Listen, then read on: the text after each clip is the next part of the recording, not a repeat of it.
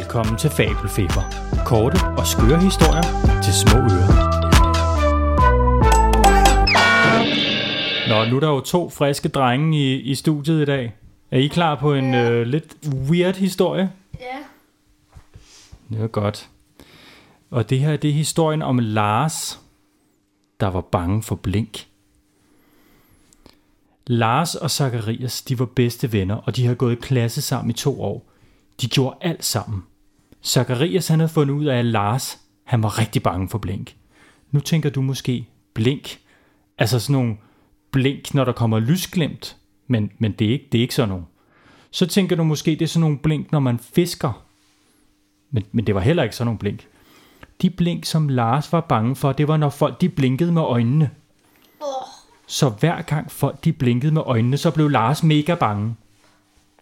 Det svarede lidt til, at der var nogen, der sagde, de ville give nogen bøllebank, hver gang de blinkede med øjnene. Så Lars han var ret bange og nervøs hele tiden. En dag var de ude at gå en tur i hareskoven. Så mødte de ikke nogen hare, men de mødte sindssygt mange andre dyr.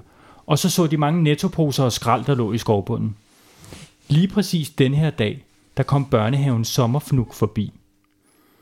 De havde lige været over at lege sand, så alle børnene havde fået sand i øjnene, så de blinkede helt vildt med øjnene hele børnehaven. Blinke, blinke, blinke, blinke, blinke. De blinkede hele tiden. Det gjorde så ondt på alle børnene, for de havde fået så meget sand i øjnene. Lars han blev simpelthen så bange for alle børnene med alle de blink. Og de råbte, åh nej, hvad skal vi gøre?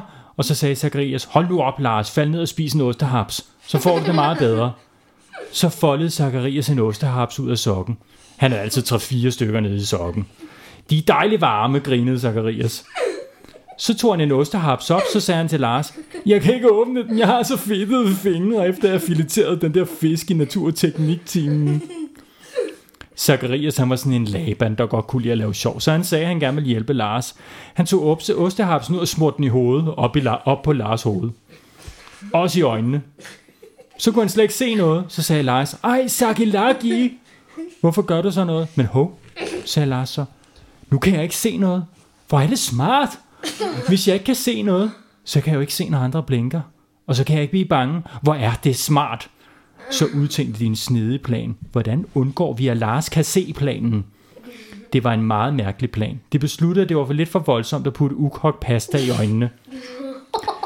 Det var også lidt mærkeligt bare at slukke lyset, fordi så kan man jo ikke se noget. Og især ikke om dagen, hvor man ikke kan slukke lyset. Så de besluttede sig for, at de gik ned til Tasketorpen. Det var sådan en taskebutik, der lå nede i byen. Her kunne man købe skoletasker, penalhus og store kufferter. Men det var ikke det, de skulle bruge. De skulle bruge sådan nogle rejsebriller, man putter på øjnene, så man ikke kan se. Altså sovebriller. Ved I, hvad det er? ja. så købte Zacharias 10 en 10-pakke til Lars. De var mega seje. De var todelt. På den ene side var det Spider-Man, og på den anden side var man, var man Koldings borgmester. Lars kunne bedst lide at være Spider-Man, så de købte brillerne til ham, og så løste de problemet. For den dag gik Lars altid med rejsesovebriller, og efter et par måneder var der faktisk et par stykker, der troede, han var Spider-Man. Og det var historien om Lars, der var bange for blink. Det var Fabelfeber i denne omgang.